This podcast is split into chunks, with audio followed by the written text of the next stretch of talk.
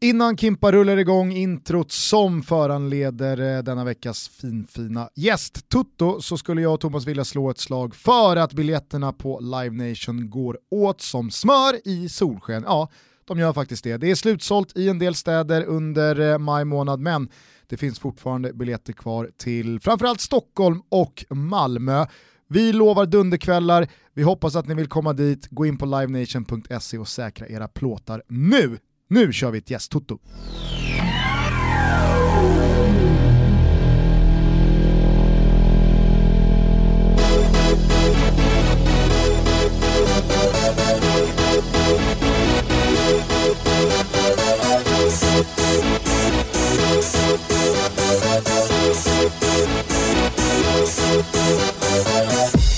for this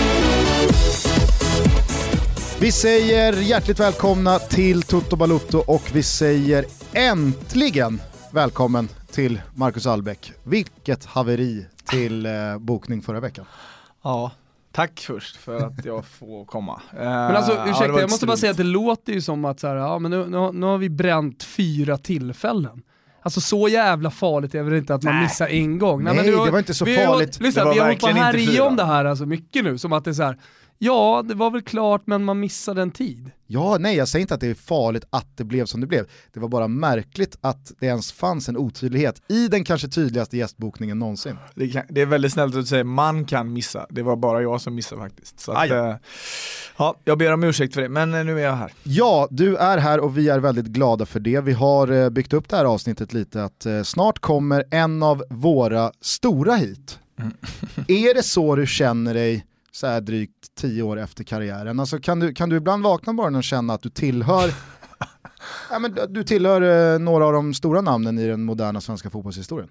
Eller är det bara liksom superabstrakt? Nej, så, så, det är sällan jag vaknar och känner så faktiskt. Det, det är det. Uh, sen, jag hade köpt sen, om du hade Sen gjort kan man väl eh, kanske någon gång, numera är det ju inte så himla vanligt, men någon gång blir man, häromdagen blev jag påmind om ett, um, ett gammalt mål. Jag var nere i Nyköping och såg en träningsmatch med en av de spelarna jag hjälper, uh, som spelar Degerfors.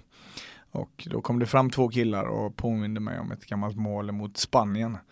Uh, och det händer inte så ofta längre, men uh, det är väldigt kul när det händer. Var det det på Råsunda när du krojfintar bort uh, mm. målvakt och back och bara lägger in den i öppet mål? Ja, jag gjorde inte så många mot Spanien, så det är det. jag stod ju på Södra då, Aha. hade det bara rakt mot mig. Skrek bara Albeck, jajamensan. Ja, det var inte helt väntat att jag skulle göra sådär heller. Så, att, så det är lite tyst hest skrek du? Ja, jag vill inte dra på. Jag vill inte dra på. Men det är också alltså, ett underbart mål. Verkligen. Ja, tack, tack. Eh, hur mår du idag? Jag mår jättebra, tack.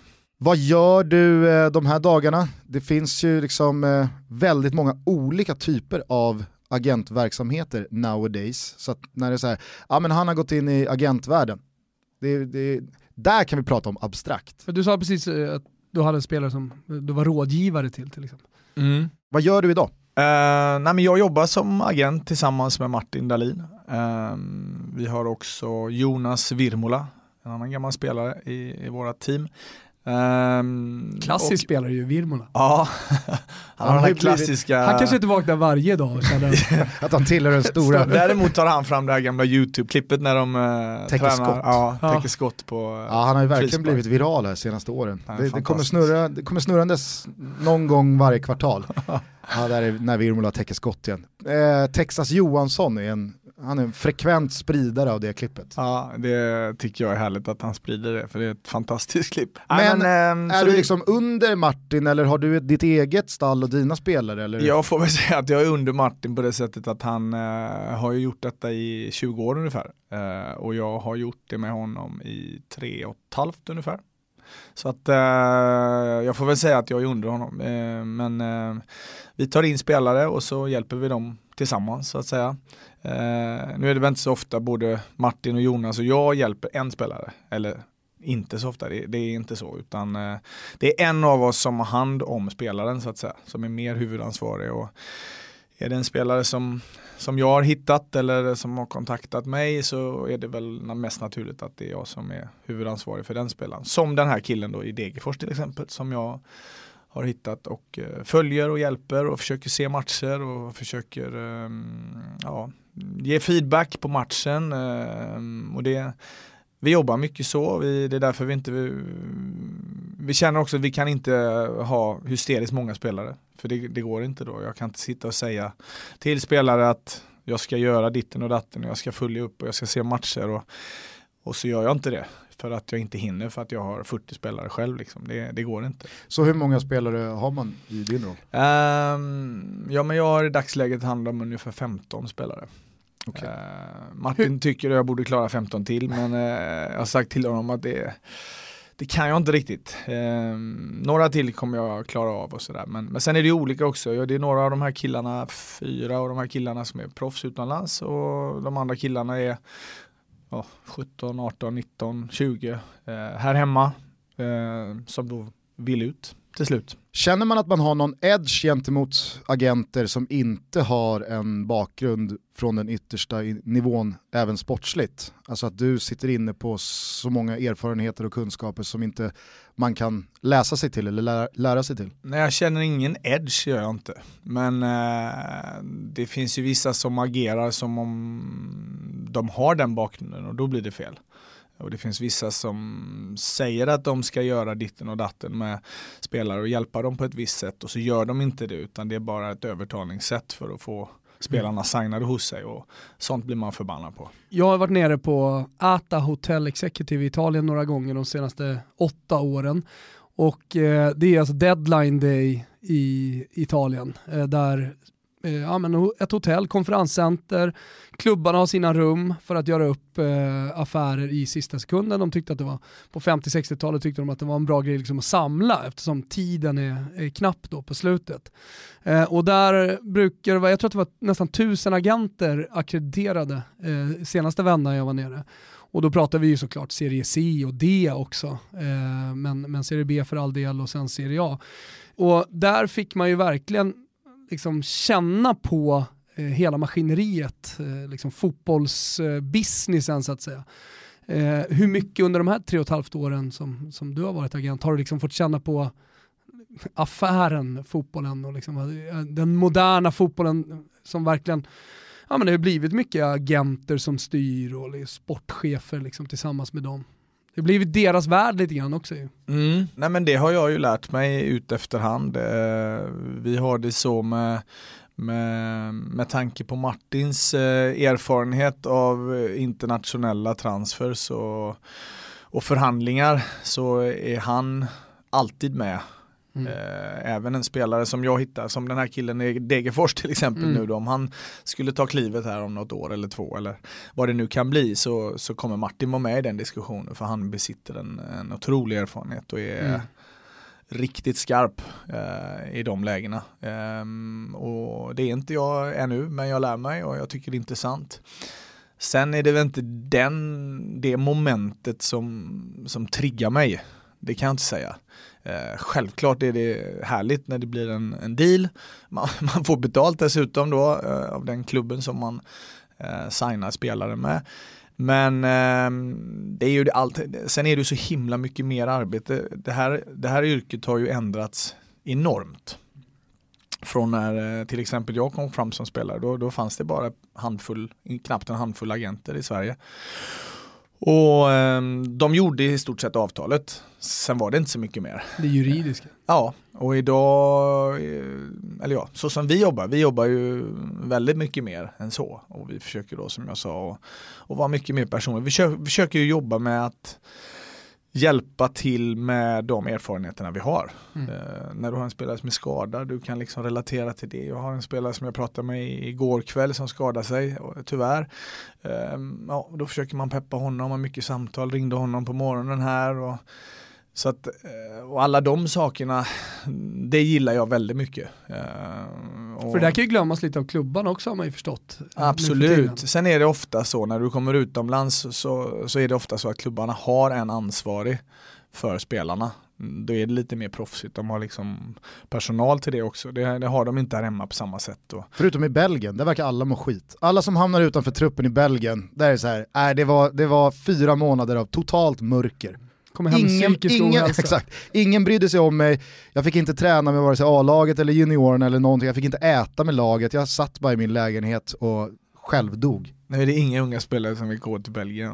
Nej, jag, jag, jag, Nej nu börjar det, det, är hårdraget. Fan Lustig, han, han har ju liksom banat väg för alla men svenskar. Lustig är ju dunderproffs, han visar ju hur det går till. Börja med att leverera och bli liksom en viktig del av laget så löser sig saker. Ja, hårt eh, arbete. Är du en person som tar liksom ett år i taget eller är du någon som ser tio år framåt i tiden? Är det här du ska göra? Ser du liksom, ja men det, det, det här är någonting jag, jag, jag har min framtid i? Ja det känner jag definitivt. Och... Det är inga tränarböjelser eh, som lockar eller att du vill göra Nej. något annat eller? Nej jag känner att det här är um, jäkligt roligt och jag känner att uh, det har ju tagit sin tid. Jag sa jag har hållit på i tre och ett halvt år och det tog ju det tog två år innan jag ens var någonstans. Alltså innan jag ens hade um, gjort, gjort någon, någon deal, innan jag tjänade en krona om man säger så då. Eh, och eh, det är klart att mm, alltså den tiden jag lägger, jag, jag, tror väl att jag är knappt 50% på den kapaciteten som jag kan vara. Mm. Eh, så att jag har mycket kvar att, att lära och mycket kvar att Uh, nej men jag ser, jag ser jättemycket fram emot det. Dessutom har jag ju flera killar nu som jag har hjälpt ett år eller två. Uh, som kanske du och jag började hjälpa dem var 17 och nu är de 19. Och man hoppas ju följa dem tills de är 37. Och förhoppningsvis Kollar du mycket på ungdomsfotboll? Ja men det gör jag. Eh, jag kollar inte mycket på 15-åringar, det gör jag inte. Men eh, U19 och lite U17 och sådär, det gör jag. Men, är det på plats, Y-scout, hur jobbar man där? Mm, nej men så mycket på plats som jag kan. Nu, nu bor jag i Stockholm så det är klart att det, det blir mest här i Stockholm. Men sen, sen har man ju väldigt mycket hjälpmedel i Y-scout i andra system på, på datorn och sådär ungdomslandskamper och samlingar på Bosön och eh, man får tips ibland och ibland ringer någon förälder. Ehm, senast häromdagen ringde en, en pappa till en kille då som sa att de hade hört gott om oss och frågade om vi kunde hjälpa till. Ja, då får man ju följa upp det och får man undersöka den här killen, får man se killen, ta ett eget beslut och sen tar man kontakt med tränare kanske och lyssnar om det är en seriös kille, om det är en duktig kille, om han, om han tror sig fatta vad som krävs för den mentaliteten är oerhört viktig. Jag tycker att vi eh, summerar detta med att här stänger Marcus Albeck eh, tränardörren för all framtid och eh, siktar vidare mot en eh, superframtid som Du vet, eh, du vet vem som också har gjort det? Nej. Nyligen. Eh, Francesco Totti. Ah, ja, ja, just I, i, igår blev ja, det officiellt att han startar agentverksamhet. Ja, klokt. Alltså klokt att han stänger tränardörren. Han kommer inte ha någon chans tror jag. Nej, och jag tror, men Kanske jag tror ändå att han, vägar. han har bättre chans där än vid tränarlinjen. Så kan jag säga. Ja, alltså han har ju, det är ju det är ett av världens största namn. Så det är klart att den som inte skulle vilja jobba med honom eh, och på det sättet som både Martin och jag jobbar då, att man vi delar med oss av sina erfarenheter. Han, eh, han har ju också lite skapliga erfarenheter. Du måste ju ha mött honom när du var i Bari. Eh, det tror jag gjorde. På, I, i, han lämnar inget stort avtryck. Nej, tror nej, han var inte bra den matchen. Hörni, eh, jag tycker att vi i med detta också stänger ner presens och nu med min specialskrivna faktaruta här för Marcus Albeck så kommer det bli en hel del eh, promenad längs minnenas allé och den fantastiska karriär du har haft och som vi har upplevt. Så att vi börjar helt enkelt med fullständigt namn. Marcus Christian Albeck. Ålder? Eh, 47 till sommaren.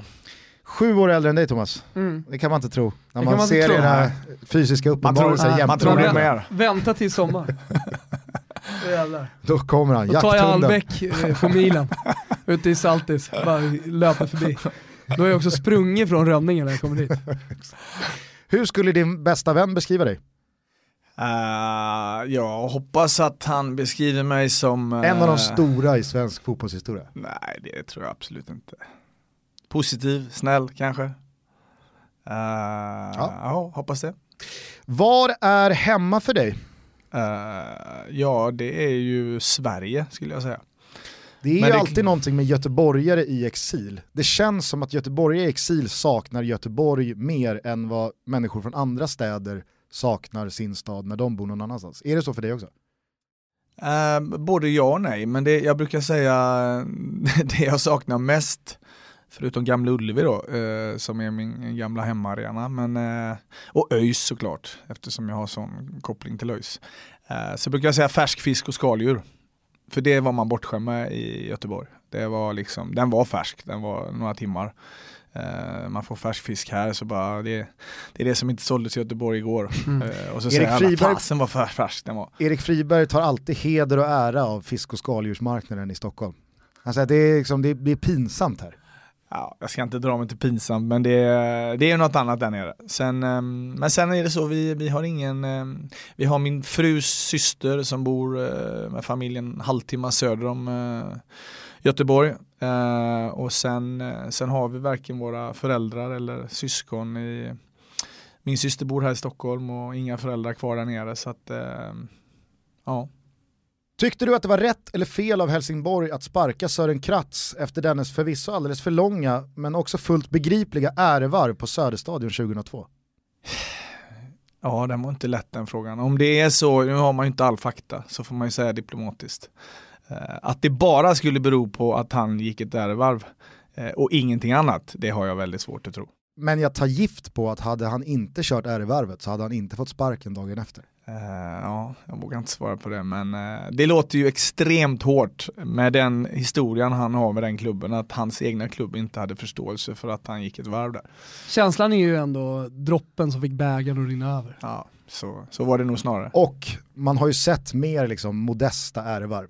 Han, han tappade det ju. Han, liksom, han lät ju hela Bayern och Söder skölja över honom. jag, undrar, jag, jag, hade så gärna velat fråga Sören Kratz, vad, liksom så här, vad tänkte du när du kom in igen i katakomberna? Fan, tog, jag, tog, tog, tog, jag i där? Ska jag gå ett varv till tänkte han. Kanske. Ja. Ah, du, du, står, du, du vet inte riktigt vilket nej, ben du står på? Nej, det vet jag inte. Vad lägger du pengar på? Uh, min familj. Resor och färskfisk. ja precis, transportera färskfisk från flyger Göteborg. Liksom med, flyger humrar och havskräfter med helikopter över hela Sverige. Inte så mycket humrar men räkor och havskräfter det är fina grejer. Vilka språk behärskar du? Det här är intressant, du har haft en eh, geografiskt väldigt utspridd karriär. Behärska är ju ett ganska luddigt ord. Och det är ju trevligt. För då Thomas, man... Thomas brukar prata om att ta sig runt i ett mm. land på ett språk. Jag brukar säga att jag, jag kan göra mig hyfsat förstådd på många språk. Och det är väl, eh, förutom svenskan då, så är det, och engelska såklart, så är det eh, holländska, tyska, äh, italienska. Alltså hanka mig fram och göra mig förstådd. Eh, starta en diskussion, det, det funkar inte. Vet du vad som är kul med det här Thomas? Nej. det är att Albeck inte nämner dansk här, trots åren där. Nej, men danska, för danskan är hopplös. Nej men det, det, är också, det är såklart inga problem för mig. Eh, men eh, det räknas som svenska nästan. Suttit på läktaren selvfølgelig och nu fick man komma på banan och fick en massa applåder också. Det var... Hur är Martins italienska? Den tror jag är mer eller mindre obefintlig. Jag har, jag har inte hört honom någon gång. Han kommer väl säga att jag också har en obefintlig italienska, han har inte hört mig heller i och för sig. Men, eh, han kör engelska då när han är nere i Italien? Han kör uh, bara engelska. Han är grym nu... på tyska såklart, eh, mm. han bodde där många år. Det alla undrar nu är, hur är Virmolas italienska? Den är magisk. ja, mer eller mindre magisk. Vilken tv-serie ser du just nu? Eh, jag ser inte så mycket serier just nu. Jag har en som jag har följt sjukt länge som heter Designated Survivor. Men den, eh, det kan bli ett uppehåll på en månad sådär så att jag, nej. Sen vet man inte vilket avsnitt, vilken episod nej, man är man får ändå på. Så se det innan. Ja, exakt. Så hamnar man ändå kvar. Mm. Ja. Jag har eh, två bra tips här om du mm. har några resor Vad är det framöver. Då? det är båda på SVT Play. Okay. Eh, Kalifat, ena. Okay. Handlar om eh, hur eh, IS rekryterar uh, unga tjejer och uh, ja, man får liksom inblick i IS-celler mm. mm. uh, via svenskar. Och sen 22 juli en otrolig skildring av eh, ja, Utöja och bomben Aha. i Oslo som okay. NRK har gjort. Kolla på den just nu, gå sluta kolla. Mm. Fruktansvärt bra. Bra tips. Och sen allt som finns på Simor såklart. Så mm. Precis allt på Simor. Eh, vilket eller vilka lag håller du på? Ja, men ÖIS är mitt lag. Eh, sen är det ju så nu, nu jobbar man med det här, då, då kan man inte bara säga att man håller på ÖIS. Så får man ju... Men det är klart, mitt hjärta är ju där. Eh, jag är ju liksom infödd i det och ehm, har fortfarande en, en stor relation med klubben. Uh, så att uh, det finns ju uh, bara dem. Sen är det ju såklart alla klubbar jag har spelat i har man ju kärlek till. Var det någon som liksom stannade kvar extra i ditt hjärta? Av de klubbar du spelade i?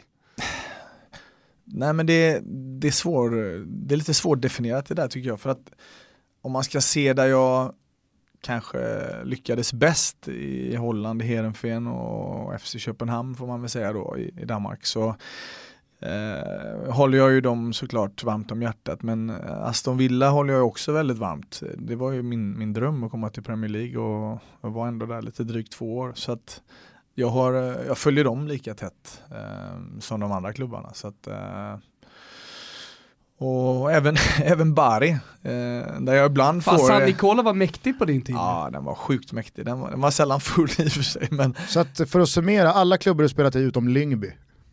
Nej, Där men, inte mycket... nej men det var ju det var ingen klubbtillhörighet det, på det sättet. Det var ju, jag var där i en månad, så att det är inte samma sak. Uh, så att uh, Hansa Rostock såklart, där jag också spelade. Uh, men, uh, Finns det någon stad som du gillade extra mycket? Nej men Köpenhamn blev vi ju helt kära i. Det, var ju, det är ju en fantastisk stad. Det är det ju. Och det Say hello to a new era of mental health care. Cerebral is here to help you achieve your mental wellness goals with professional therapy and medication management support. 100% online. You'll experience the all new Cerebral Way, an innovative approach to mental wellness designed around you. You'll get a personalized treatment plan from a therapist, prescriber, or both in a safe and judgment free space. Your cerebral therapist or prescriber will outline a customized plan with clear milestones along the way so you can get to feeling your best. With Cerebral, you're not alone in your mental health journey. We're here to empower you to live a fulfilling life. So take that first step towards a brighter future and sign up today at cerebral.com slash podcast and use code ACasts to get 15% off your first month. Offer only valid on monthly plans. Other exclusions may apply. Offer ends July 31st, 2024. See site for details. Det är faktiskt en mer eller mindre internationell stad väldigt nära oss här. Så att, eh, där är vi fortfarande eh, tätt på besök och har några danska familjer som vi fortfarande umgås med som vi, eh, som vi lärde känna genom barnen. Eh, så det har ingenting med fotbollen att göra egentligen. Så att, ehm, ja. Men jag måste fråga där angående din relation till Örgryte. Alltså, du är ju en sån klubblegendar och klubbikon. Och jag tror också att det kan ha att göra med att det har varit på tuffa, svåra år också sen du slutade spela. Att det hela tiden finns någon sån här, ja men någon gång ska Albeck komma tillbaka till ÖIS i någon roll. Känner, alltså, har det, är det bandet och den liksom framtida någon gång ska det ske, är den närvarande för dig också? Det är inget som jag går och tänker på såklart inte just nu. Eh, däremot var det ju så när jag, när jag var utomlands och Eh, när det då började diskuteras om en eventuell hemkomst. Eh, jag var ju tre år i Köpenhamn som den sista utlandsklubben då. Och egentligen alla de tre åren så hade jag kontakt med ÖIS och de frågade om jag var sugen på, på att komma hem och till slut blev det ju så. Eh, sen var väl tanken och något som jag diskuterat länge tillsammans med eh, Magnus Kjellander, en annan gammal eh, finspelare i ÖIS, eh, att vi, eh, vi skulle bli sportchefer i ÖIS. Det var liksom det var drömmen. Mm. Eh, sen tog det en annan väg när eh, Hamrén ringde om landslaget och jag slutade spela. Eh, och började med det, gjorde det i sex, sex och ett halvt år. Och så hade vi då efter några år flyttat till Stockholm också. Eh, och det är klart att jobba med klubben när jag inte bor i stan, det är ju helt omöjligt. Så att, eh, men eh, man vet aldrig. Man, jag trodde inte jag skulle flytta från Göteborg till Stockholm.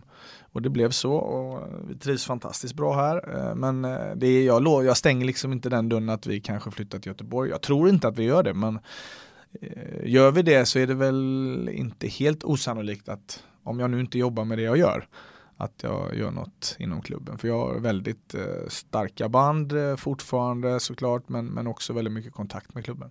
Jag tänker också att det gnager i en att ens kära klubb inte ligger i allsvenskan och har det lite tufft. Och... Ja, men de, nu är det ju så, när, vi, när jag kom hem och började spela i ÖIS, eh, för det var ju så när jag lämnade ÖIS eh, vid millenniet, då hade ÖIS, eh, vi hade startat i slutet av 90-talet en, en, bra tid i ÖIS och börjat få bra placeringar och sen fortsatte det de första åren in på 2000-talet. Ja, verkligen. Um, och hade väl egentligen de, de bästa åren på senare tid. Uh, när det var liksom fullt på Nya Ullevi, 40-45 tusen. Afonso, Paulinho. Ja, det var ju fantastiskt. Svante Samuelsson får vi inte glömma. Nej. Den gamla legendaren. Sveriges sämsta nickspelare i förhållande till längd. ja men jävlar, han var duktig. Han var jätteduktig. men, men när AIK körde taktiken att alltid kasta långa inkast på Svante eller liksom skjuta insparkar på honom. Han vann aldrig en nickduell. Det är en myt.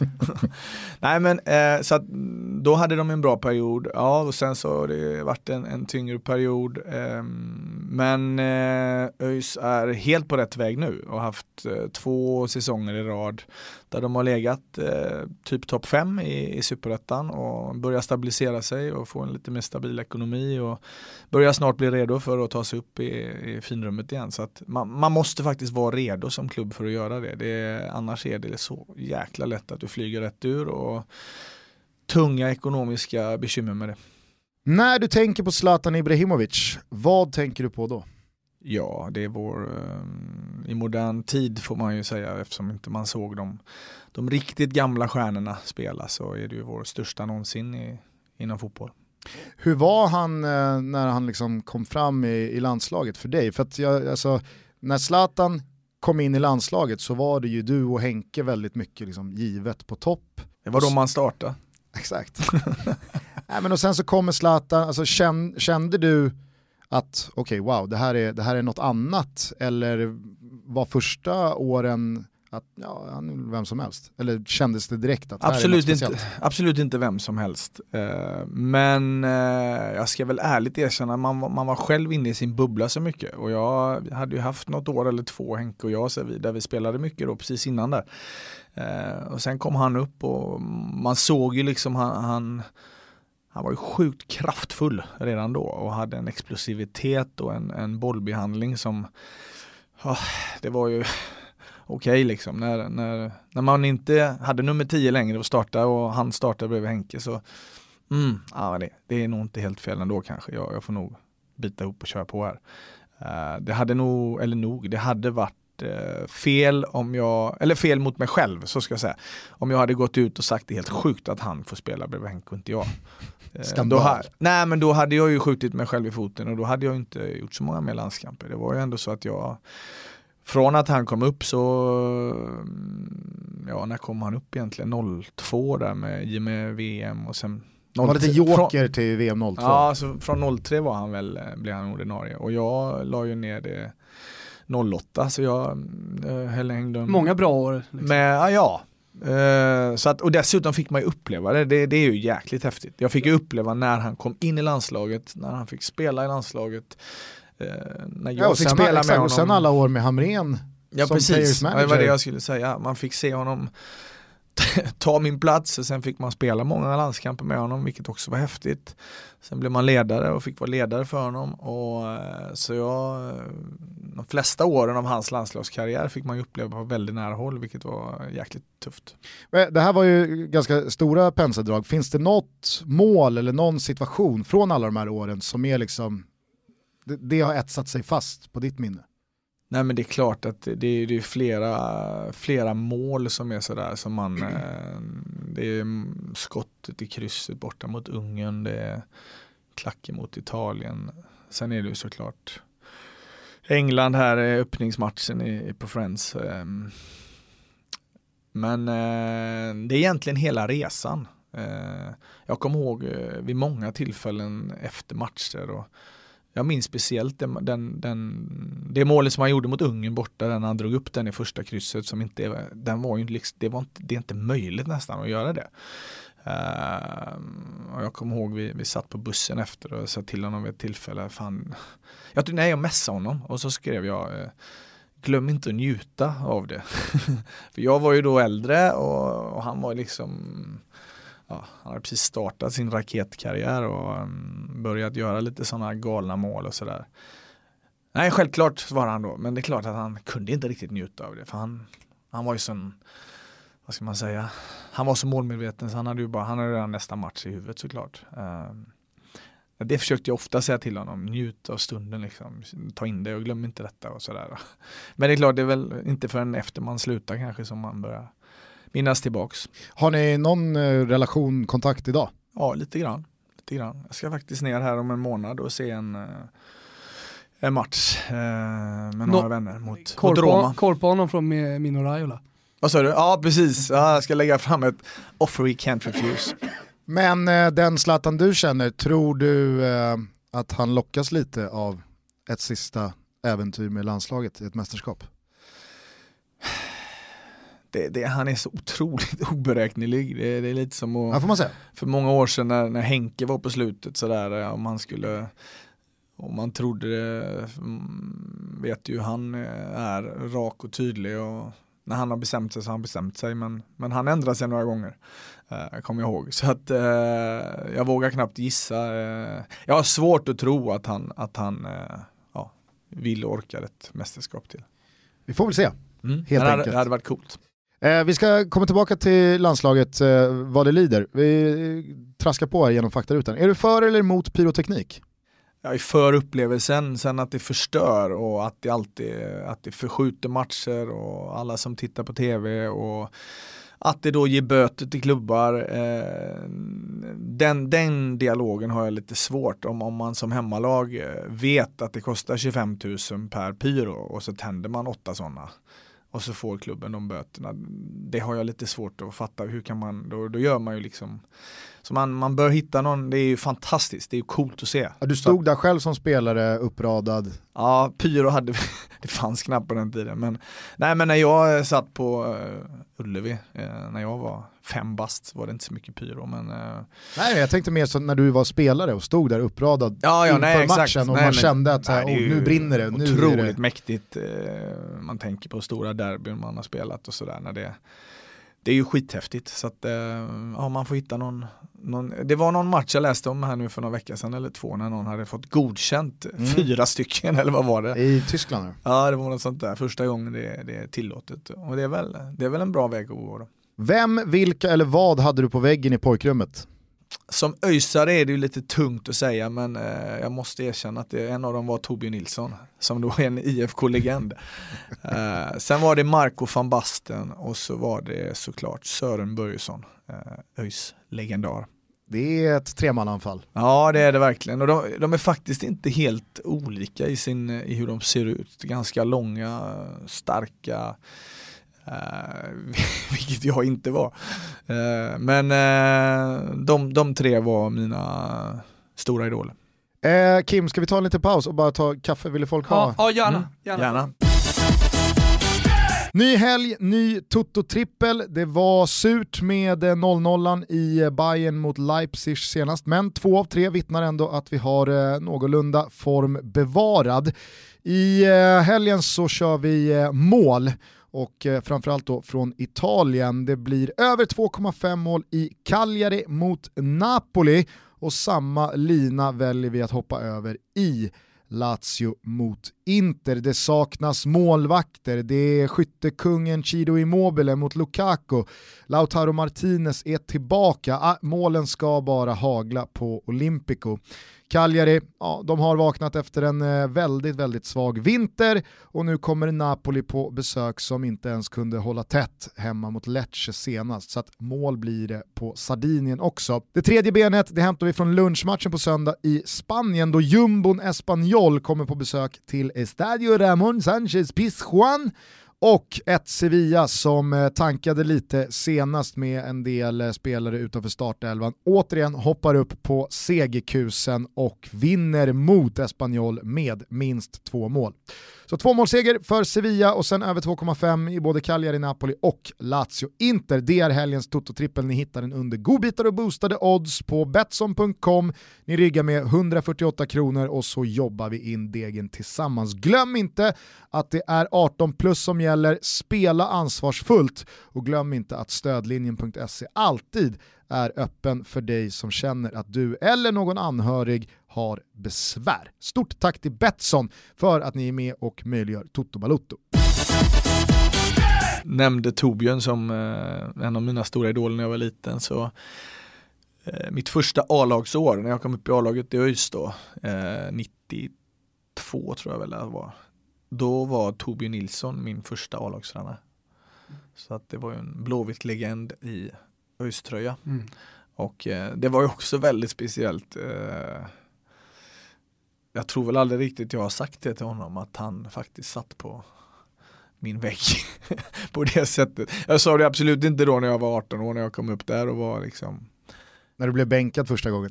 Men Torbjörn, jag hade ju dig på väggen. Gör inte det någon skillnad? Jag minns han, hans assisterande Fulvio Hjortheimer. Um, han, jag blev kallad till min första B-lagsmatch när jag fortfarande tillhörde juniorlaget och kom upp på mäktiga Öjsgården. Och jag var ju där typ två timmar innan samling såklart för jag var ju sjukt nervös och skulle göra min första B-lagsmatch. Och så möter jag honom i gången, Fulvio, och då så säger han, vad fan gör du här? Tittar jätteallvarligt på mig, jag kom med väskan på axeln och var liksom, jag bara sprudlade av glädje och var på Öjsgården första gången, ska jag vara med på en B-lagsmatch. Jag ska ju spela en, eh, jag ska vara med i B-laget. Du ska fan inte vara med i B-laget, sa han. Eh, jo, eh, Torbjörn, eh, Torbjörn ringde och sa det. Torbjörn har ingenting med B-laget att göra. Jag är ansvarig för B-laget och du ska inte vara med. Och han höll min, han höll min. Och jag var ju, jag var ju nästan på, nästan på gång att börja gråta. Bara, fan, skämtar du eller är det ett misstag? Bara? Så tittade han på mig så log han som fan och kramade om mig. Bara, Välkommen Mackan, vad kul det här ska bli. Och jag bara, så lite nerv nervöst skratt. Ja. Det här eh, blir intressant efter en så här lång och händelserik karriär. Vilken är din absolut fetaste fotbollsupplevelse? Det är um, var det vi... när du sänkte United med FCK där i Champions League? uh, ja det var ju en häftig, en häftig grej såklart, absolut. Men jag får nog säga min första VM-match uh, i Japan mot England. Um, man hade drömt om det så länge och sett så mycket fotboll på tv och sett så mycket VM på tv. Van Bastens mål från EM 88 har liksom rullat. Nej men, eh, och sen så plötsligt så, så stod man där. Eh, och det var liksom en helt, helt ny gräsmatta, smockfullt på läktaren. Turbo Svensson i startelvan. Ja, så allt, allt skulle gå bra då ju. Eh, han är nummer 10 på, på ryggen, eh, man stod i start, alltså man sjöng nationalsången. Var lite fräscht blonderad också va, om jag inte minns fel. Ja, fått höra det av mina barn, vad fan tänkte du på? Slingorna, på väg tillbaka. Slingorna var med. Det är på väg tillbaka. Ja, det tror jag. Före det kanske tur. blir snart igen. Kolla på italienarna, ja, Kommer sant. snart hit. Nej, men det, är nog, det är nog största, och just när man, man visste hur stort det var, man visste hur många som kollade, man visste liksom att Sverige stod stilla mer eller mindre. Och det var, um, det är nog det största. Sen är det ju, jag skulle säga alla mästerskap. Uh, jag hade ju tur att få vara med i fem mästerskap. Fast uh. jag, jag, skulle bara avbryta det och tänka det, för du var ju en del av EM-truppen 2000. Ja. Och jag tänker att det mästerskapet, man har ju pratat med en del från det gänget om hur ni bodde och det var verkligen, alltså Johan Mjällby, han skräder ju inte orden när han beskriver hur, hur jävligt det var dagarna mellan matcher. Han, han satt och fiskade med någon på någon liten sjö och det var bara liksom, dog hotelldöden. Jag tänker att det var ju din första mästerskapsupplevelse. Ja, jag har absolut inte den upplevelsen. Du har inte den upplevelsen? Nej, jag har raka motsatsen. Ah, okay. Det var ja. helt fantastiskt. Är det sant? Jag spelar ju inte, men eh, det var ju liksom, eh, nej men det var mitt första mästerskap. Jag halkade in som, om det nu var 21 spelare på den tiden och jag var liksom nummer 21. Eh, så jag var den sista som kom in och jag, jag minns när jag fick det beskedet med att Tommy Söderberg ringde mig. Då hade vi spelat kuppfinal mot AIK. Märkligt nog gick en kuppfinal över två matcher. Det var ju också helt sjukt. Men eh, då spelade man hemma borta och vi spelade första matchen på stadion för att Råsunda var någon, något fel på. Allt var märkligt med den här Nej, det var jättemärkligt. Var på den matchen. Ja, var det det? Ja. ja. Då vann vi 2-0 tror jag och jag gjorde två mål och på tåget hem dagen efter eh, så ringer eh, Tommy till mig och säger att eh, jag har fått sista platsen. Och eh, så att, nej, nej, jag var, för mig var det ju liksom en upplevelse som var, jag hade aldrig varit på det sättet med landslaget och ja, jag kommer ihåg att vi bodde där inne i skogen. Det var säkert inte så kul. Och, men det är klart, resultaten gjorde ju att allt blev tråkigt. Och det var mycket det här att alla läste media och där sågades vi. Och, men du vet jag, för mig var det varenda träning var liksom bara stort smile. Jag, eh, liksom, eh. Eh, Gary Sundgren har jag pratat med också, han sa det, ville bara hem. Ja. Ville bara hem. Nej men de flesta hade väl inte det. Så skulle Albeck ha lirat då? Albeck var den enda som var sugen. ja. Men eh, av de här mästerskapen då, eh, ditt första VM där, är det fortfarande en tagg i det att det blev ett sportsligt så surt uttåg? Att det... Det, det, det är ju ett av mina tyngsta mina, mina tyngsta upplevelser på fotbollsplanen. Det blev, det blev så eftersom det var sådana här golden goal. Och vi hade, Anders Svensson hade skjutit i stolpen. Eh, ja, det är hemskt. Och eh, ja. mer eller mindre anfallet efter så, så kontrar de och skjuter stolpe in. Mm. Och så är det bara en, en jävla duffad toffel. Ja, sketträff var det verkligen. Ja. Uh, Plus att vi var... hade ju vunnit över Turkiet i kvarten, du vet det. Jo, jo. Och så hade det varit semifinal. Vi hade, vi hade nått final. Liksom. Ja, jag tror fan Men var det skillnad eh, på mästerskapsupplevelser när du som 2002 var ordinarie och startade kontra 2004 när man var lite mer inhoppare?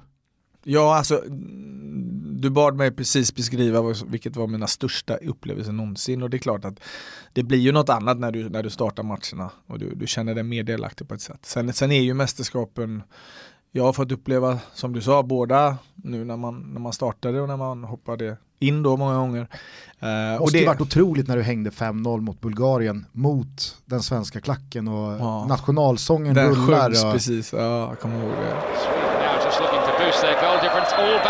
Stays onside and scores! Five-mille! Marcus Solback, the Aston Villa man. Jo, det är klart, det var ju jätte... Så alla de momenten är ju extremt eh, häftiga och eh, Portugal var väl dessutom, där tror jag vi hade absolut bästa laget för att ta oss långt och vi var Och där är också ett ruskigt surt uttåg. Ja, mot eh, holländarna där och eh, jag tycker jag nästan att vi är värda att vinna den matchen innan det går till straffar så att eh, ja. Otrolig karriär. Eh, finns det någon eh, upplevelse i form av eh, match med laddning och rivalitet och vad som man upplevde från planen på läktaren och alltså var det någon som stack ut där? En specifik match, klubbmatch. Ja. Alltså beskriv det mer, vad menar du? Är det som, ja, var, spela, som var bland det största liksom? Exakt, alltså hade ni någon sån här extremt eh, hatisk eh, match mot Brömby med FCK eller? Ja men det är varje, varje och det är fortfarande så. Jag, jag följer dem tätt och varje match där är ju tyvärr då mycket hat och det är mycket bråk utanför och, och sådär. Och det, och det har jag väl inte, det är väl det stället jag upplevt som det har varit mest hatiskt på det sättet. Eh, med Aston Villa mot Birmingham eller de andra klubbarna i, i Birmingham. Det var, jag upplevde det inte så hatiskt. Eh, men i FCK Bröndby är det är inte inte jättebra vänner vid sidan här. Det är ingen vänskapsmatch. Uh, nej det är det inte och det tyvärr så det tas ju med lite på plan men sen Sen måste man ju ändå begränsa sig och hålla sig och, och, det blir mera Man försöker ju istället på plan då visa mer fair play om man säger så då. Att eh, istället för att spotta på någon så hjälper man honom upp istället så man kanske föder något annat på, på läktaren men där är det eh, tuff mentalitet. I Heerenveen i Holland var det också mot eh, Groningen då som ligger i norra Holland också. Men det var inte något hat så känner jag. Nere i Göteborg med ÖIS Guys, Blåvitt. Uh, det jag känner inte att det är hat heller. Jag känner absolut, jag har aldrig känt något hat emot Guys eller Blåvitt. Uh, jag har inte varit jätteledsen när de har förlorat men eh, jag känner absolut inget hat. Eh, är du för eller emot VAR? Uh, Sucken säger allt. Ja, ja men det är ju, det är ju man, jag tycker ju att VAR är bra på det sättet att det ger ett um, beslut som är rätt. Men, men nu de sista månaderna när det liksom diskuteras millimetrar i en passning som var till en passning som ledde till ett mål. då tycker jag att man tar det alldeles för långt. Plus att det tar för lång tid. Och jag, eh, det, precis som alla andra säkert eh, fotbollsälskare när man sitter och ser en match. Och man ser liksom domaren säger vänta och så sätter han finger mot örat, ska lyssna extra noga och så tar det så sjukt lång tid. Och de är liksom flera stycken som sitter och tittar på skärmar och får alla vinklar. Att de inte kan ta ett snabbt beslut, det är för mig en gåta. Borde är... nästan räknas ner en klocka från så 28 sekunder eller någonting. Ja, och nej, men, här, har ni, här har ni 28 sekunder på vad, vad... Lär er fatta ett beslut, lär er ta ett beslut på 28 sekunder. Ta, ta det bästa ni kan liksom. Och vad och är det, om man är inte det millimeter, fram? är det centimeter, är det för svårt för att bedöma? Eh, då, då, då får man helt, helt enkelt fria eller fäll, eh, istället för att fälla. Alltså. Det var väl nyligen, var det inte Pucky i, i Premier League där eh, axeln var liksom en centimeter eh, mm Jo, rätt ska, vara, rätt ska vara rätt, men, men det måste finnas jo, men sen så börjar lite man, mänsklig ja, men så touch och När lämnar bollen foten? Ja. Och är man konsekvent på den bedömningen verkligen? Nej, det kan man ju inte vara om man kommer fram till. Så att... mm. Fel är inte rätt, men rätt är inte alltid bra. Nej, inte i det här fallet. Vem från fotbollsvärlden hade du helst velat dela en flaska vin med? Har du sprungit uh, på några här riktiga karaktärer? Är det mycket dela flaskor vin i agentvärlden? Van Basten kanske. Just med tanke på att han var min idol på det sättet. Uh, träffade honom en gång för när jag jobbade med landslaget så var vi på någon Uefa-grej. Uh, om det var i Frankrike eller Tyskland tror jag det var. Där jag hälsade på honom. Och uh, det var sådär. Det var mäktigt alltså. Selfie-läge? Ja, ja, det kunde jag inte med säga. Men eh, nej, men det skulle jag vet inte riktigt. Men genom dina klubbar eller kanske motståndare också, har du blivit bra vän med någon som du fortfarande umgås med som average svensk fotbollsintresserad känner till? Alltså någon spelare från Villa eller FCK eller vad det nu kan vara. Uh, ja, jo men det är det ju. Det är, det är, väl, uh, det är väl flera stycken som jag... Semestrar du ihop med Juan Pablo Angel liksom?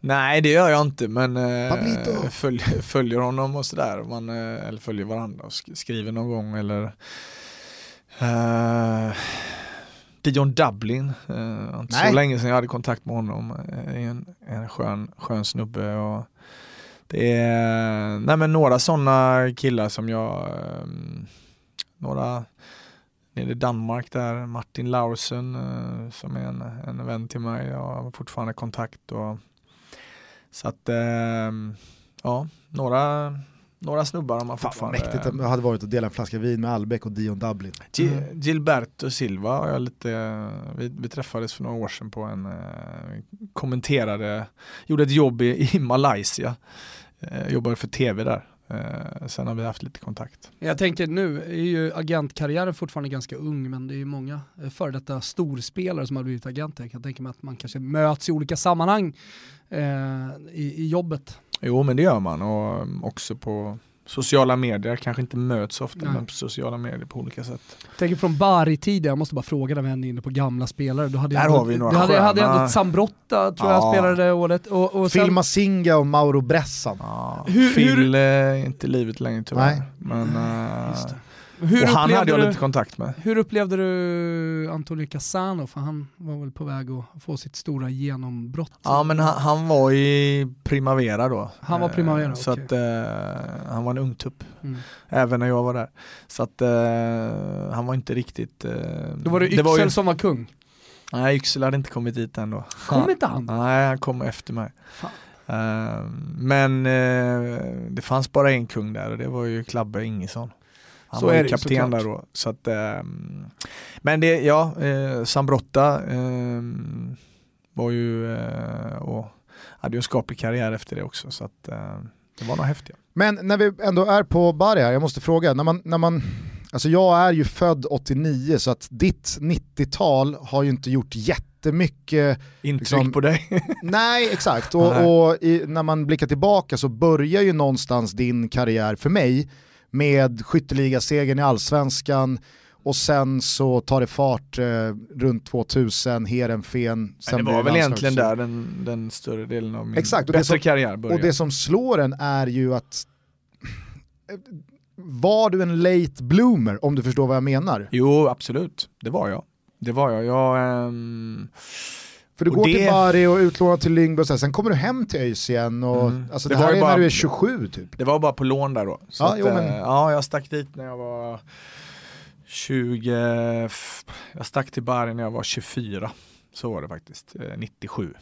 Eh, Och om du eh, förstår frågan, vem, ja. vilken Marcus Albeck var det som lämnade då? Var du, var du Nej, men- superbra i Örgryte då eller Nej, det- lämnade nej, du för det att fan jag nu har gjort det här ett tag? Nu Nej testar jag men det vingarna. var jag väl inte. Men det var ju en häftig grej att testa. Alltså, först skulle jag ju bara testa att åka till Lyngby och spela fyra matcher.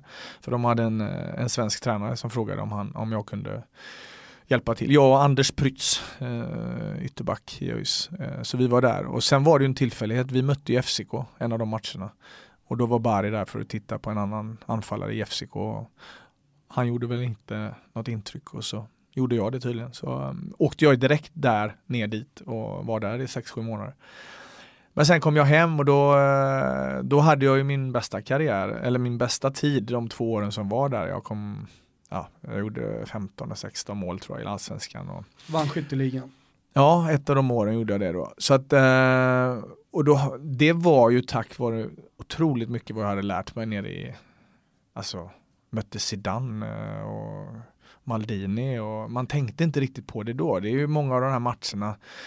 Jag minns ju Milan borta var min första bortamatch på San Siro. Jag sprang ju bara och tittade. Jag minns ju nästan inte matchen och nu i efterhand då så bara ja men det var liksom Costa Curta, Albertini, Maldini, Var inte, riktigt samma, var inte riktigt samma intryck första bortamatchen med Lyngby. N- nej, inte riktigt. Nej, men de här eh, Kluivert satt på bänken. Eh, och, Men när du sen skulle sticka igen, mm. det blev Heerenveen, vad låg på bordet då? Vad hade du för alternativ?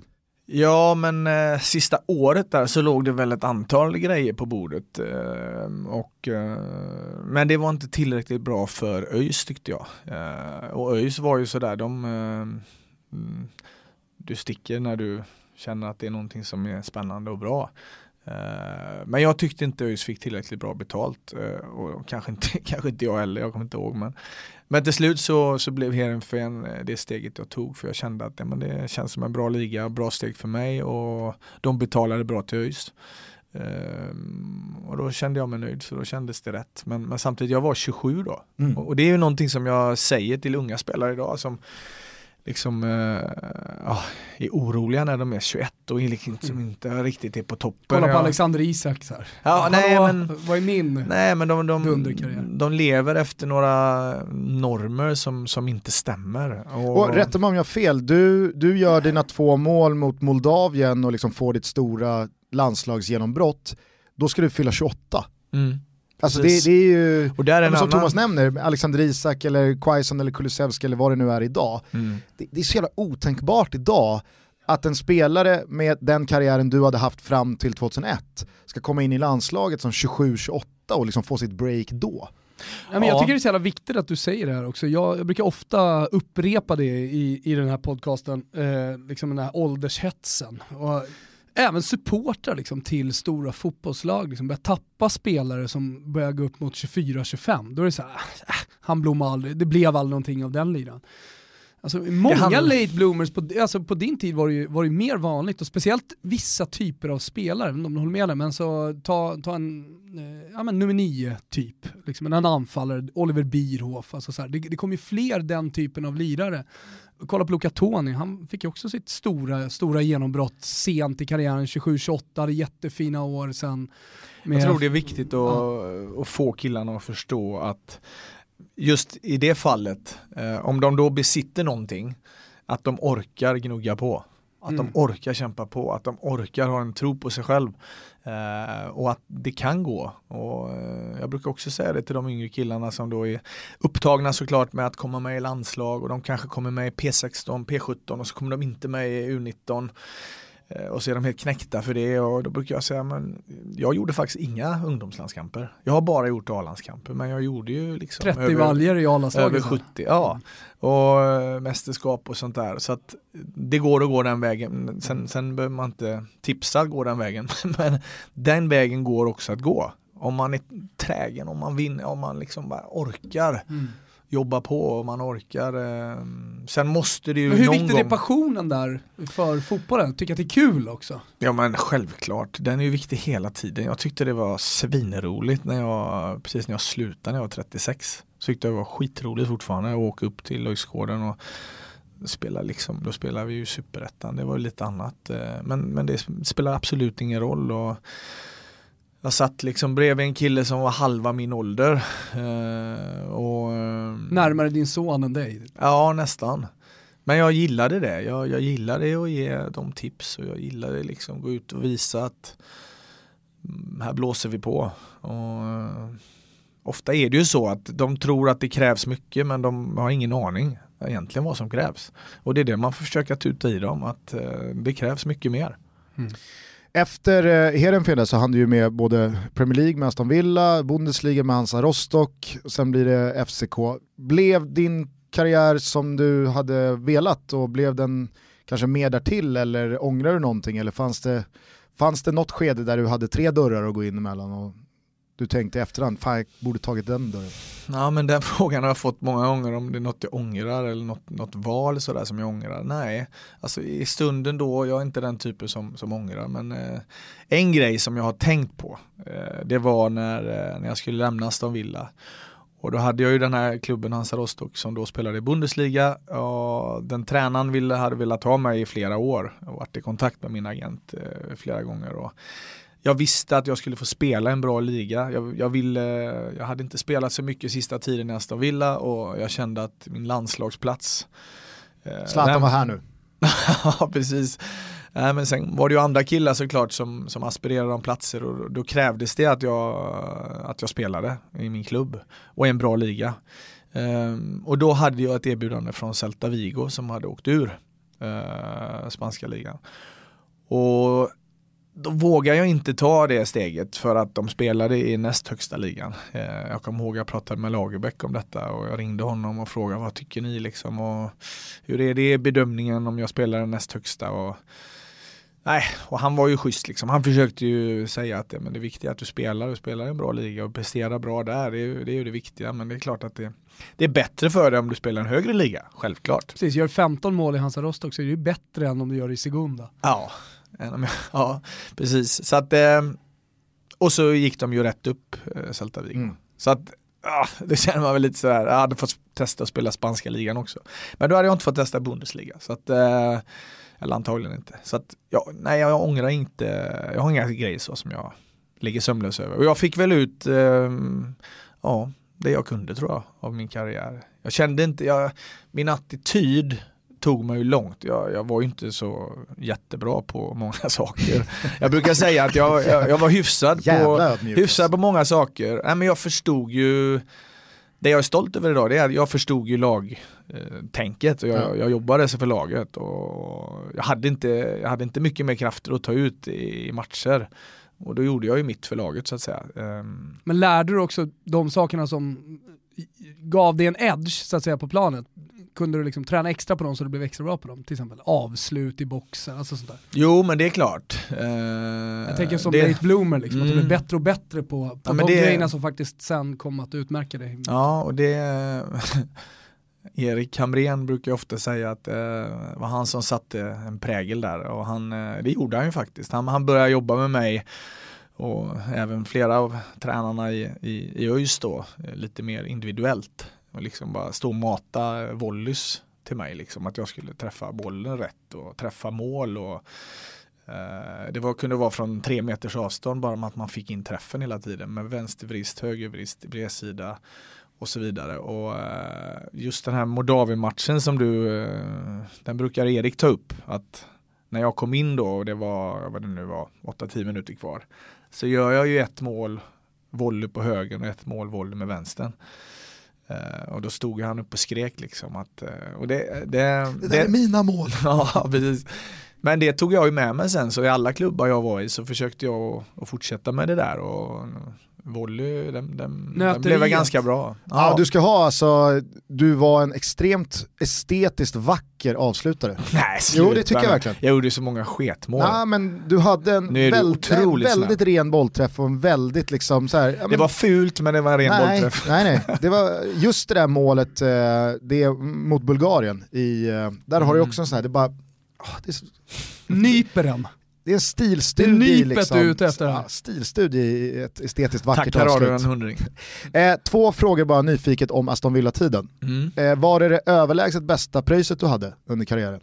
Ja. Det var ju liksom tidigt 2000-tal, Premier League hade boomat med pengarna och sådär. Alltså, Men det är väl vad en lärling har idag i Premier League ja, men det är bara, du, får frå- du får svara om du vill, jag måste bara fråga, vad hade, vad hade man i veckan? Eh, nej men det vill jag inte prata om. Men jag hade såklart, det var ju överlägset bäst. Eh, det var det. Ja. Det var, det var, Det var utför efter var bra. Villa. ja det var utför efter. Och andra frågan, stämmer det, jag har liksom så här, det, är, det är från flera håll man har läst här, stämmer det att Mellberg aldrig förlorade spelen på träning i Aston Villa? För det var så här, Jobbig fråga. för det var inte så. Ja, det var så. Han kommer nypa det mig. Vi är ju väldigt nära vänner Olof och jag. Så att han vann varje spel, varje gång. Nej men alltså gjorde han inte det. Jag ser ju i dina ögon att Nej, det, var liksom, det var jag- en mytbildning. Nej, det, tyvärr är det ingen myt. Han, han vann eh, äckligt många av eh, de där. Är han på liksom en egen nivå vinnarskalle som du har sprungit på under karriären eller? Ja, det får jag nog säga. Um, Zlatan också, men eh, Olof var... eh, ja, han var en fantastisk vinnare skulle jag säga. Och en fantastiskt dålig förlorare också. Ja.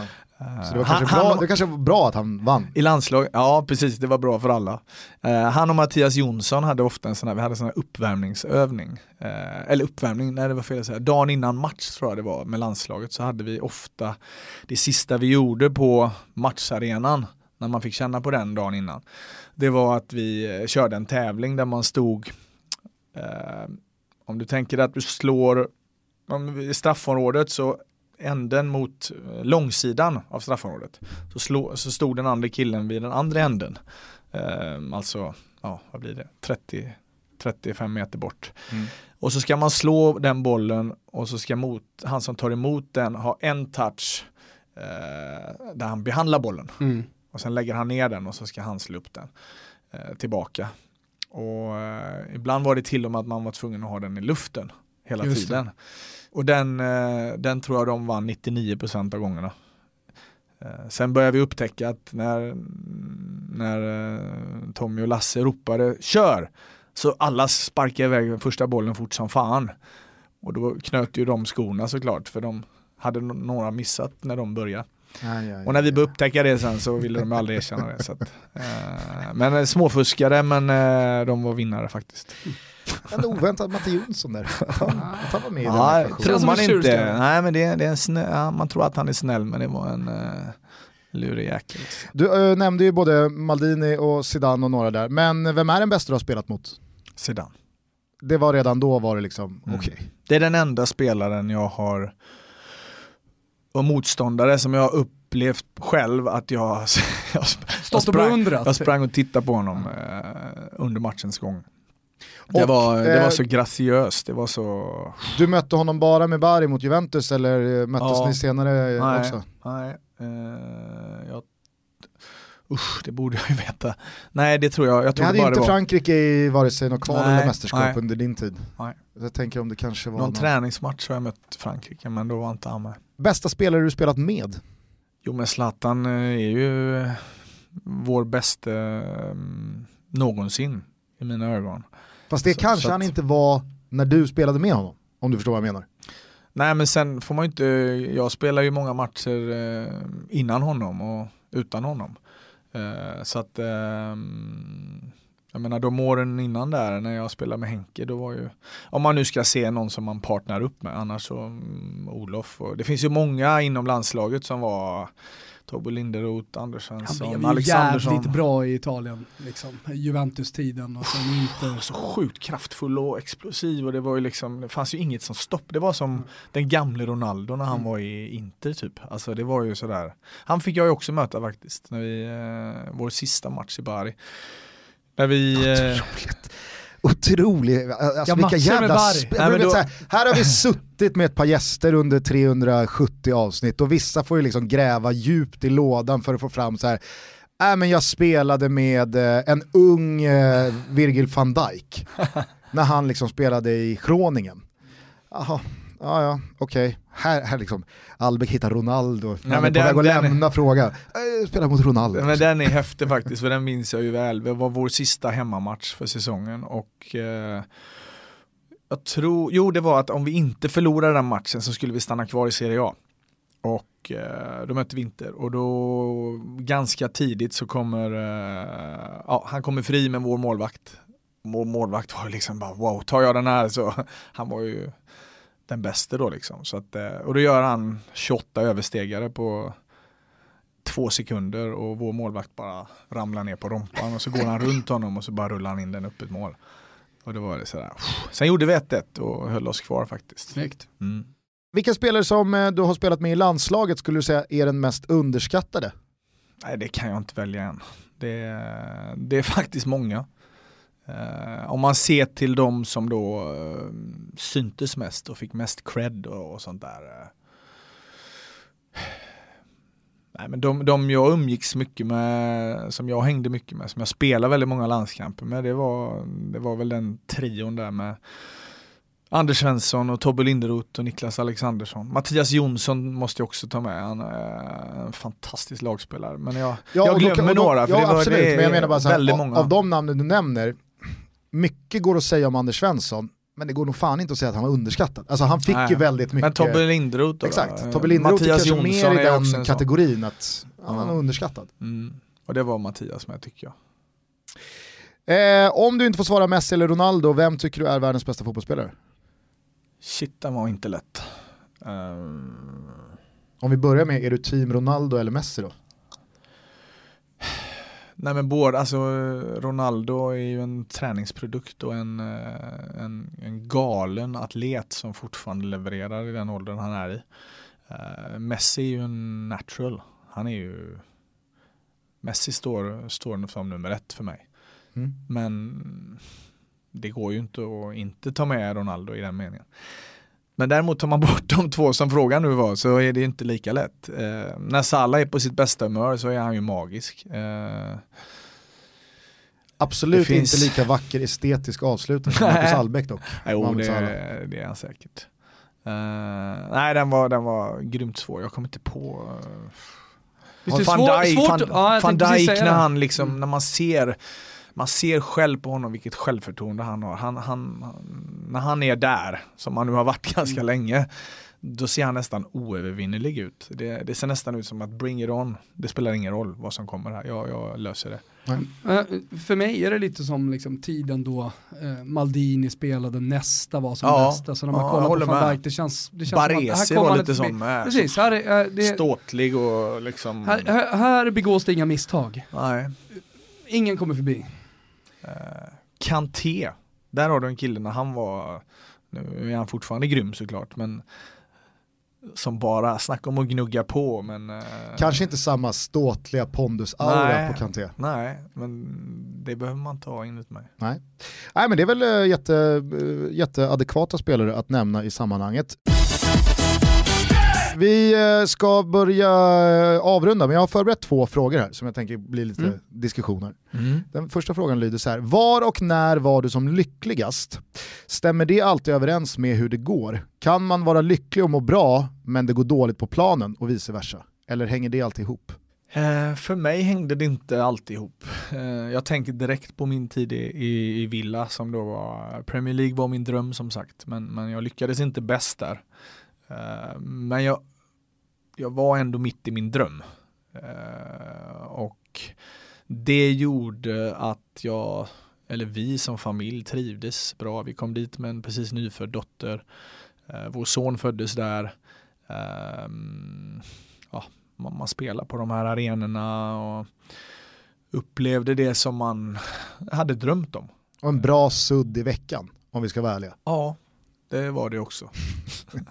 nu tänkte man extremt lite på det då kommer jag ihåg, men Eh, där var ett sånt moment för, för, för, att svara på din fråga. Att det, det är inte alltid som, eh, som det är så. Men det är klart att det ofta är relaterat till hur du spelar och hur det går. Och jag kom ifrån Holland där det var en, eh, hade jag en väldigt lyckad tid målmässigt om man ska se det så. Då. Där spelade jag hela tiden och gjorde liksom mål på hälften av matcherna ungefär. Eh, och det gick grymt och vi kom bästa resultatet. Jag tror vi kom fyra då sista året innan jag stack där. Efter de tre stora, Ajax och Feyenoord och PSV. Och då hade vi det ju magiskt. Eh, då flyttade vi dit, nykära hade precis träffats och ja, eh, det var liksom, allt var, allt var kanon. Eh, men som sagt, vi kom till England. Allt var inte kanon fotbollsmässigt men vi trivdes fantastiskt. Man, så det går inte alltid hand i hand nej, inte med hur det går på planen? Nej, och... För mig gjorde det inte det. Hur mycket präglar det här din eh, relation med dina spelare? Alltså hur mycket pratar man om det här? Hur mycket intresserar man sig för hur spelarna mår utanför planen? Senaste åren så har det blivit väldigt mycket, ja, men man, har, man har eh, börjat av tabubelägga psykisk ohälsa och att, ja, men, hur, hur spelare mår. Kanske mer som människor snarare än fotbollsspelare. Det är ju en, en lärdom och en erfarenhet som jag kan dela med mig idag när jag, när jag talar med en spelare som till exempel har det tufft när han inte får spela. Eh, eller när han har blivit skadad eller när han har, eh, ja, vad det än kan vara. Ehm, så det är klart att på det sättet så är det en otroligt nyttig erfarenhet för mig. Och konstigt nog så är det en erfarenhet som jag känner eh, gav mig någonting. Alltså jag fick ju verkligen gnugga på då.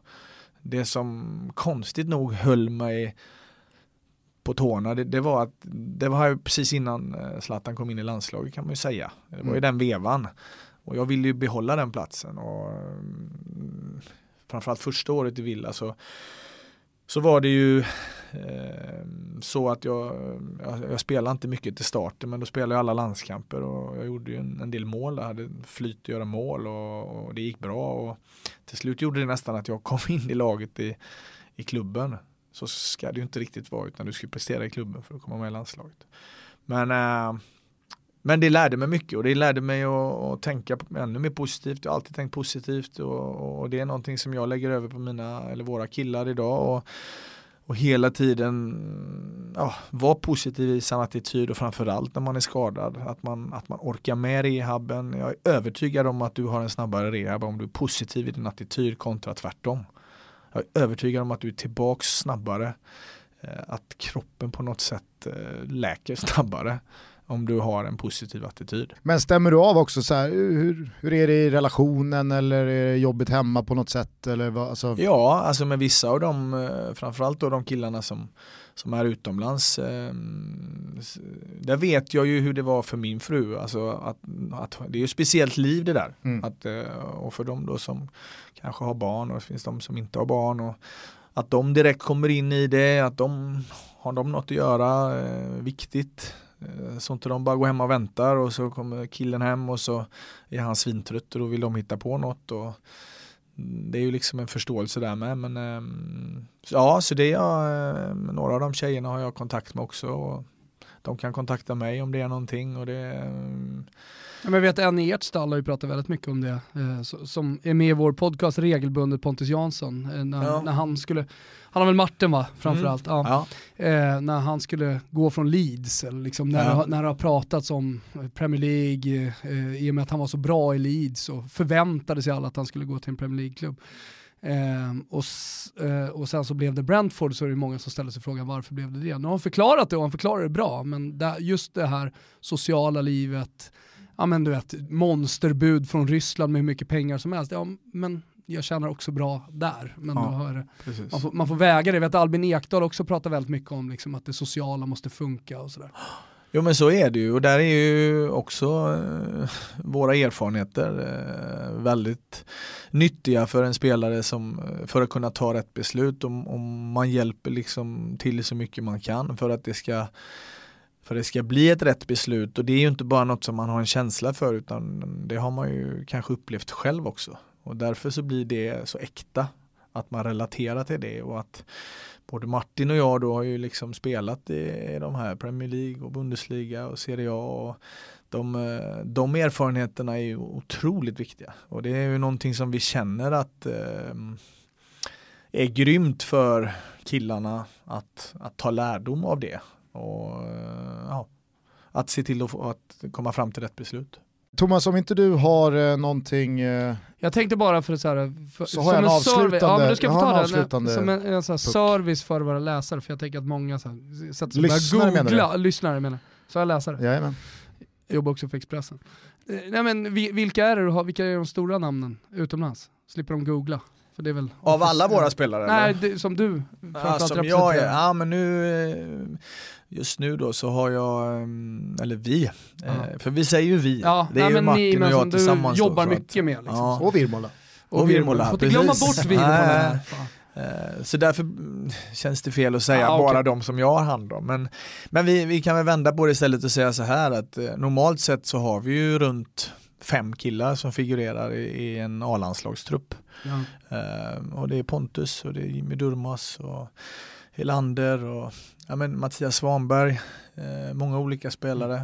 Svanberg har ju ändå en, en, bra säsong får man ju säga. Verkligen. Och har Otroligt. fått jättebra utveckling under Mihailovic. Mm. Uh, det känns som att han verkligen hittar feeling där med tränaren, att det har stämt bra. Mm. En bra landskamp också, avsluta 19 med. Ja, verkligen. Verkligen. Nej men så det är många, många spännande killar att, att hjälpa och många unga killar som man hoppas eh, ska kunna ta ett steg utomlands. Och... Är det extra roligt sådär att följa dem ja. från typ U17 och sen ja, men absolut. U19 och så det är ju, Och just som jag, som jag sa tidigare där att som jag säger många gånger när man har ett, eh, ja, bland de första snacken med en, med en kille och kanske pappan eller vad det nu är att man eh, säger att man, mans, eh, ens dröm är ju att när man sitter där med dem och de är 18 att man är med tills de är 38. Och man är med på alla de här besluten liksom och kommer ihåg när vi gick dit och sen gick vi dit och sen så, ah, så tvekar vi där men fan det blev bra och så. Det är ju det man önskar och att um, ja, när de då slutar så bara fan tack för alla goda råd. Det är ju, så att därför så känns det ju också vi snackade om tidigare vad man tror att man, man gör om några år om man fortsätter med det här och det, det känner jag ju det känner jag ju nästan som en plikt. Jag, jag, sen kan ju mängder med saker hända såklart så att, eh, det, det, får man ju se men, men min tro och min tanke är ju att, att jag håller på med detta länge och att det liksom bara blir bättre och bättre och jag också och får hjälpa spelarna på bästa möjliga sätt. Avslutningsvis så, nu har jag väntat länge på rätt person att ställa den här frågan för att en gång för alla reda ut lite saker och ting. Va?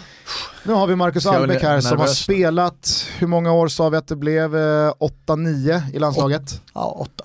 Och sen så blev det sex, lite drygt, eh, på tränarbänken tillsammans med Erik Hamrén som mm. då players manager. Med all din erfarenhet, nu stundar ett EM, det stundar en 23-mannatrupp som ska tas ut. Det kommer medialt drivas massa eh, teser om att äh, men, han ska med och han ska inte med och han ska eh, spela där och de, alltså, hur man ska, ska bygga den här truppen. Nej, nej. Jag, jag vill bara veta, med din erfarenhet, när de som pratar, men han spelar inte i lands, eller han spelar inte sitt klubblag så därför har han sämre möjlighet. Kring John Guidetti så pratas det om, ja men det är gruppdynamik, eh, han är väldigt uppskattad socialt och han är Victor Nilsson Lindelöfs bästa polare. Sportsligt så har han inte alls speciellt starka papper i och med att han sitter kvistad och inte får spela och han gör inga mål och så vidare. Samtidigt som då andra mindre etablerade landslagsspelare levererar och gör mål i sina respektive klubbar och så vidare. Med din samlade erfarenhet, hur mycket är i hur ett landslag ser ut? Hur mycket är gruppdynamik, hur mycket är hur man faktiskt presterar i sitt klubblag mellan samlingarna och hur mycket är hur man faktiskt presterar i landslaget? Ja, eh, då skulle jag direkt säga att, att någon kommer med på grund av att man är bra för gruppdynamiken, det har jag extremt svårt att tro. Det stryker vi. Och det, ja, du, det tycker du, jag inte att, Ja men det tycker jag inte att det det ska ju inte vara någon diskussion, det är klart man inte ska vara med för den saken. Så du och Erik kände alltså att ja, han, han är ändå jävligt viktig för gruppen och han är Ja liksom... men då, då har han i så fall eh, presterat under en längre tid i landslaget tidigare. Ja. Och det ligger till grund och det vet jag, det hade vi som, en, eh, som en, ett grundtänk. Att, eh, för det var många som sa, ah, men fan han har inte spelat mycket det sista. Nej men han, han har varit med otroligt många år i landslaget och presterat på en väldigt hög nivå. Ja nu har han sista månaderna inte spelat så mycket men då tar man all den erfarenheten han besitter och kvaliteten som han faktiskt besitter i åtanke. Däremot någon som inte har spelat så mycket landskamper och inte har spelat eh, ja, många matcher från start eller varit med i landslaget i många år kontinuerligt och som då inte spelar i sitt, land, eh, sitt klubblag. Eh, han har det ju tuffare att komma med.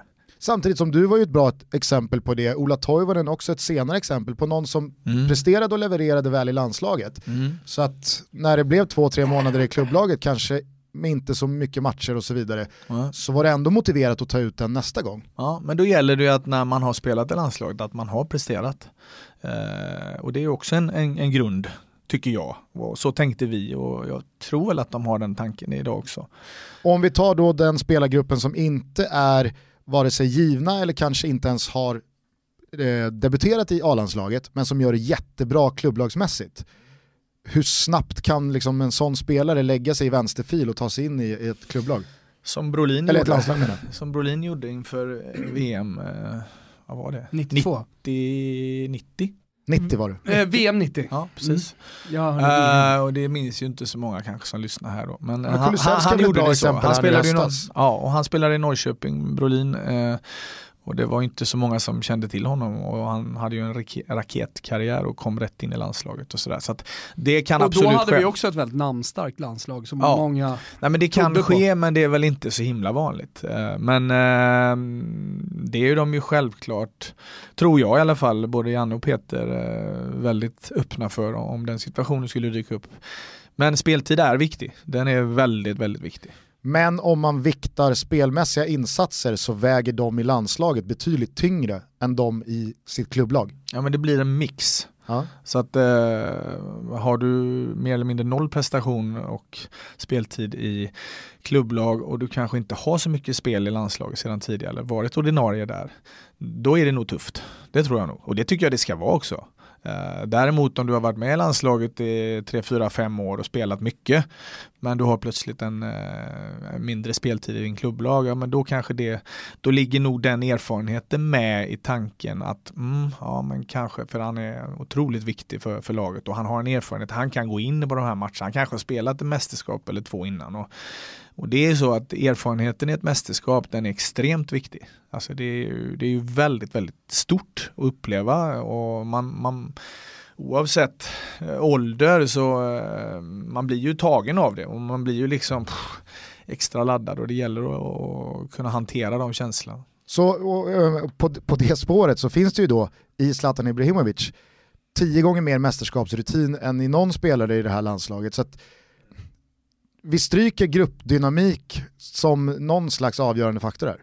Det är inte ett problem, för det, alltså, det kan man prata om med Guidetti och, ena, och från ena hållet. Zlatan kanske från det andra hållet, att att spelmässigt är det ingen snack. Han startar och gör mål i Milan och Serie A, men det kanske finns en känslig punkt i hur tar mm. något sånt. Liksom. Ja men nu vänder du på det, det var jag menade innan det var ju egentligen att du ska inte vara med bara för att du är en god gubbe och en bra gubbe för gruppen. Utan din prestation tidigare eh, måste ge dig den chansen i så fall, det var det jag menar. Men det är klart, jag vet inte riktigt, alltså grejen är ju när vi diskuterar Zlatan så han har ju tackat nej till landslaget. Det är som Janne säger att han har ju tackat nej och ändrar han sig om det så får han väl ringa då och eh, det gör han nog kanske, jag vet inte. om, man, om man nu ändrar sig men eh, det, det, är han som har sagt att nej men det räcker nu. Jag stunder den allsvenska, sista fråga, stunder den mm. allsvenska och jag vet att ni har många klienter, man kanske inte ska nämna någon, men finns det, finns det någon raket, finns det någon brolinare och sådär som man ska hålla utkik efter? någon ung spelare som kommer upp? Hur lång tid har vi här? För jag har en lista med mig här. Ja, precis. På våra unga killar. Uh, Nej, men det någon ju... som man ska hålla lite extra utkik på, någon lirare kanske? Nej men det blir, uh, jag tycker det, det blir, svårt. Det blir, ja det blir svårt och det blir på sätt och vis, det är någonting när det gäller en ung kille, då ska han hantera det också och han kommer säkert höra det mer och mm. mer och mer och jag, vi har flera killar som, som vi hjälper såklart. Eh, de vi inte hjälper skulle jag aldrig nämna. Så nej, men, eh, nej men det finns många duktiga killar som, som eh, ligger på här och det är men, inte bara i de stora klubbarna skulle jag säga utan det är även i de, i de om man säger, mindre allsvenska klubbarna men även i superettan. Men lite spännande då som en liten cliffhanger så kanske vi kan återkomma till det och ställa frågan senare och så sitter det här om några år. Ja. Eh, så Eller finns det, finns det i det, öga. Ja, nej, men vi behöver inte nämna namn men finns det någon spelare som du känner shit den här, den här spelaren kommer verkligen få sitt genombrott i år och så behöver du inte nämna namn. Ja. Det finns det? Ja vad spännande! Upp i ett stort leende. Sjukt spännande. Fast, vi nästan ska skriva på lapp och låsa in och så, så ska vi gå tillbaka och kolla Öppnas om ett par år. i november. Ja precis. Hörru du Marcus Albeck, stort tack mm. för att du kom och gästade Toto Balutto. Stort tack för att jag fick komma. Som alla gäster så får du avsluta din episod med en valfri låt. Vad skulle du vilja skicka ut till lyssnarnas öron? Jag hade ju en Metallica-låt som jag valde när man alla fick välja varsin låt för sån här pepp eh, var det någon som valde någon riktigt skev låt då? Ja det var det verkligen och det var Ja det var det. Ja, vi hade något tillfälle i landslaget där alla fick välja en låt och så klipptes det här ihop och det var en skön mix alltså. Det var Nej men för mig var det någon uh, hårdrock som, uh, och jag är ingen hårdrockare på det sättet men det, det, det taggade mig, Ja det gjorde det. det, gjorde det. Uh, så att det får bli någon skön gammal hårdrocksdänga. Ska vi köra någon Metallica ja, One? Den är mm. ganska peppig. Ja absolut. Ja. Härligt. Eh, då säger vi på återhörande nästa vecka. Nu ska jag åka och spela in säsongspremiären av Fotbollslabbet va, med Fantomen och Hasse Backe. Missa inte det. Missa heller inte studion på söndag kväll när jag kliver in i Simors eh, studioinramning av eh, Lazio mot Inter. Eh, vi hörs nästa vecka. Det gör vi. Stort tack. Tack, tack. Ciao tutti.